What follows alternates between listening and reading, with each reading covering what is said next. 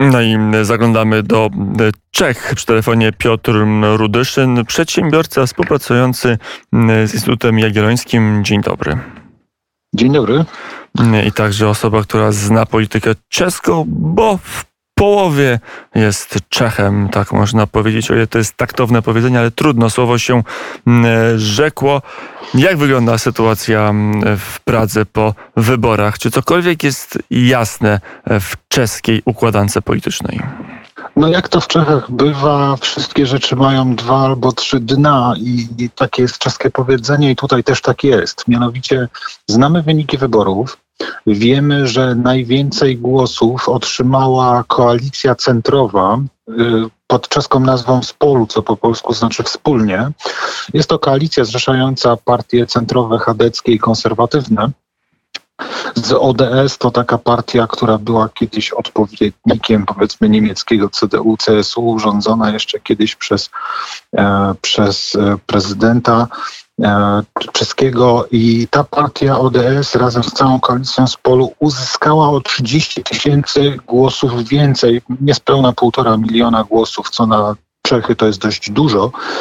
E, I to było o 30 tysięcy więcej głosów niż e, partia, w zasadzie stowarzyszenie premiera Babisza, ale czeski system wyborczy, który jest taką mieszaniną wyborów bezpośrednich i systemu Donta, premiuje za wygrany okręg, a w tych małych okręgach wygrywały przeważnie kandydatury partii ANO, co oznacza na koniec, że pomimo tego, iż dostali mniej głosów, otrzymali jeden głos w parlamencie więcej. Więc pewne jest to, że wygrała koalicja z polu, ale z drugiej strony więcej posłów, mianowicie 72, dostała y, organizacja ANO. Więc odpowiedzieć na pytanie, kto jest zwycięzcą wyborów, jest bardzo trudno. I próbował zrobić to w niedzielę rano prezydent Zeman i odpowiedział, że dla niego zwycięzcą wyborów jest ten, kto wprowadził większą ilość posłów. A jeśli ktoś nie wierzy, to może zapytać, jak powiedział pan prezydent, panią Clinton, która też kiedyś dostała więcej głosów, ale nie została prezydentem. Także to wiemy. Tak? Nie Ale wiemy, kto będzie, będzie rządził w takim wypadku, skoro jest tak blisko, skoro tylko jeden mandat różni pierwszą i, i drugą partię na niekorzyść tej pierwszej, żeby było, tak pan powiedział, zabawniej. Trzeba patrzeć niżej na, na potencjalnych koalicjantów. Dotychczasowi koalicjanci premiera Babisza, jak rozumiem, w parlamencie czeskim się nie znajdą. Tym razem się w czeskim parlamencie nie znajdą. Jest to pierwszy raz od 1989 roku od pierwszego parlamentu Czechosłowacji, czy od 1991 roku od, od czeskiego pierwszego parlamentu. Nie mamy socjalistów i nie mamy komunistów. Natomiast, tak jak pan powiedział, miejsce drugie albo pierwsze, czy miejsce trzecie e, zajęła też koalicja, koalicja partii, skrajnie liberalnej partii Piratów, i y, wolnych samorządowców, bo starosta w Czechach to jest burmistrz. Więc partia wolnych, niezależnych burmistrzów i otrzymała tych głosów 37 razem z piratami, których tych piratów tylko jest trzech 34 jest starostów. No i faktycznie z koalicja Spolu i koalicja Piratów i tych niezależnych samorządowców ma 108 głosów, ma 108 głosów w parlamencie i oni zaraz w sobotę po wyniku wyborów wieczorem poinformowali, że zawierają list intencyjny, w którym zobowiązują się nie rozmawiać z innymi partiami, co oznacza tak naprawdę nie rozmawiać z Babiszem. I teraz zdawało się, wszystko jest rząd. jasne. Parlament y, liczy 200 posłów, tak. 108 ma potencjalna koalicja, która już zawarła y, informację, że nie będzie rozmawiała z nikim innym, więc wydaje się, wszystko jest w miarę ustalone. Za parę dni, najdalej tygodni, będzie nowy rząd w Pradze. Ale, ale no tutaj, tutaj komplikacje się pojawiają kolejne. Pojawiają się kolejne komplikacje. E, prezydent Zeman jest chory i to chory od długiego czasu. I nie jest to tylko choroba filipińska, która jest stałą przypadłością prezydenta Zemana.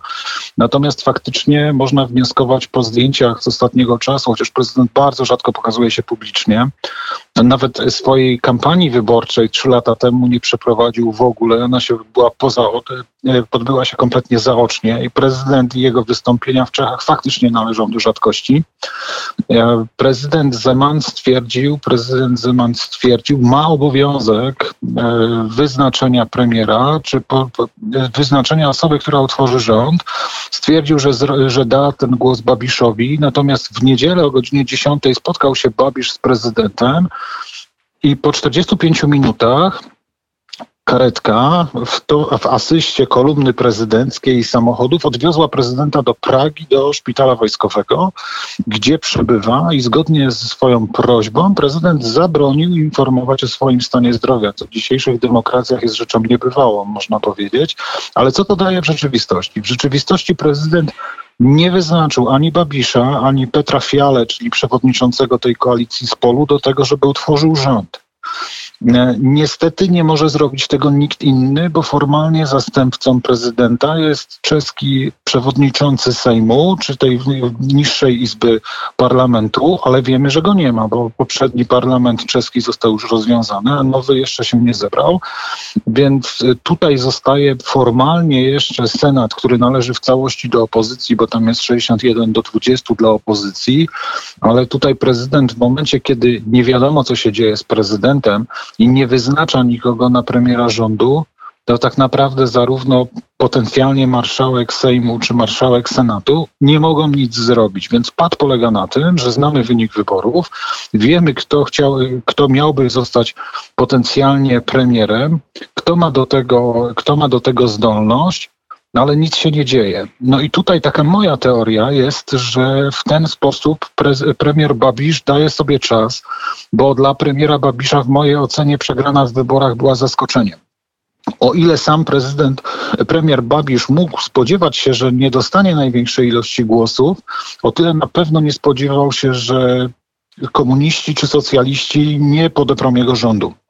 Jeszcze na początku, jeszcze na początku liczenia wyborów, bo te w Czech, y, głosów, bo te w Czechach odbywają się praktycznie w 3-4 godziny i tak faktycznie o godzinie 19 wszystko już było wiadomo, wszystkie głosy były policzone, a wybory były do godziny 14. Tam nie ma exit polu, więc na początku podawania wyników z pierwszych okręgów wydawało się nawet, że przez chwilę e, premier Babisz mógł razem z socjalistami zrobić rząd, ewentualnie przy poparciu tej partii takiej narodowej, która nazywa się SPD, prowadzona nomen omen przez Japończyka w Czechach, Partia Narodowa, więc y, te partie mogły stworzyć koalicję, ale z czasem było coraz gorzej, e, więc no, jesteśmy w pacie, tak? Nie wiemy, nikt nie wie, co jest z prezydentem. Senat nieudolnie próbuje podjąć jakieś działania. E, w czeskiej konstytucji Senat teoretycznie może pozbawić prezydenta części uprawnień. I tutaj można by było już te uprawnienia przejąć i faktycznie powołać nowy rząd ale nie ma do tego jakichś podstaw. Nie ma precedensu w tym zakresie. W środę jest posiedzenie Senatu i nie wiadomo, co się wydarzy. Mm, to jeszcze jedno pytanie i proszę o dość krótką odpowiedź. Mm, jaki ten nowy potencjalny rząd, ten najbardziej prawdopodobny, czyli mm, rząd koalicji centro-prawicowej razem z, tą koalicją bezpartyjnych samorządowców, tak ją nazwijmy, czy bezpartyjnych burmistrzów i Partii Piratów, jaki to będzie wybór dla y, Polski i w kontekście Turowa i w ogóle w kontekście kontekście współpracy w ramach Grupy Wyszehradzkiej? Proszę pana, ciężko jest to powiedzieć, chociaż w zasadzie wszyscy gracze tego rządu są znani, tak? Bo zarówno Piotr Fiala, który był wcześniej ministrem edukacji i był e, przez bardzo długo posłem, jest postacią znaną w czeskiej polityce, jest jednym z liderów e, w czeskiej polityce. E, wydaje mi się, że będzie przede wszystkim pragmatyczny. ODS rządziła bardzo długo i zawsze, kiedy rządziła ODS, miała bardzo dobre relacje z sąsiadami, w tym z Polską. Tak, przez okres rządów Babisza te relacje zostały zepsute, dlatego że Babisz traktował politykę jak prywatny interes, a Polska ma bardzo duże dodatne saldo w wymianie handlowej, więc naturalnie była dla niego solą wokół. Wydaje się, że ten nowy rząd będzie, jeśli chodzi o relacje Polski pragmatyczny, ale nie będzie trudniejszym rządem, jeśli chodzi o współpracę. Nie będzie tam jakichś takich populistycznych e, zagrań, które były typowe dla Babisza, więc jest szansa na merytoryczne rozwiązanie konfliktu w Turowie, bo to jest dzisiaj tak naprawdę kość niezgody między naszymi oboma, oboma państwami. Jest szansa na rzetelną, merytoryczną rozmowę. To skoro mamy ten Natomiast... Turów, też o tych piratów zapytam, bo wiele mówiono, że partia piratów e, liberalna, nawet bardzo liberalna, ale też bardzo proekonomiczna, ekologiczna może być jeszcze gorsza dla Warszawy niż rząd Babisza, że jak będą piraci przy władzy, to o jakimkolwiek Turowie, kompromisie Warszawa może zapomnieć. Teraz tych no, piratów jest tylko trzech, to jakoś zmienia tą tak. układankę?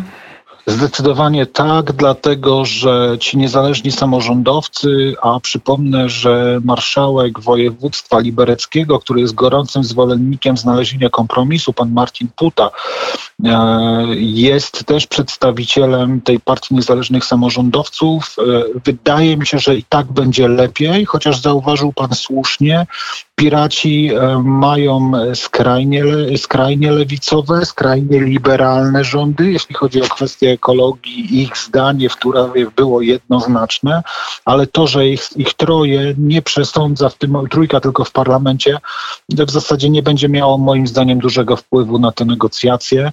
Poza tym, umówmy się, Czesi też już są zmęczeni tym konfliktem. Ja rozmawiałem z moim wujkiem w, czasie, w czasie weekendu i staraliśmy się wyciągnąć jakieś wnioski z tego, co będzie w wyborach. I powiem tak, oni są zmęczeni tym konfliktem, dostają też kupę nieprawdziwych informacji, ale, ale tak naprawdę chcieliby już zamknąć tą sprawę. Oni rozumieją, że jesteśmy tak bliskimi sąsiadami, jesteśmy do siebie tak podobni. Też rozumieją, że Turów jest potrzebny, bo dzisiaj Czechy importują bardzo dużo energii, a patrząc na rynek energii na początku roku będzie jeszcze gorzej. Będą potrzebowali tej energii jeszcze bardziej niż my. Powiedział Piotr Rudyszyn, przedsiębiorca, ekspert Instytutu Jagiellońskiego. Dziękuję bardzo za rozmowę. Dziękuję również. Do widzenia. Do usłyszenia.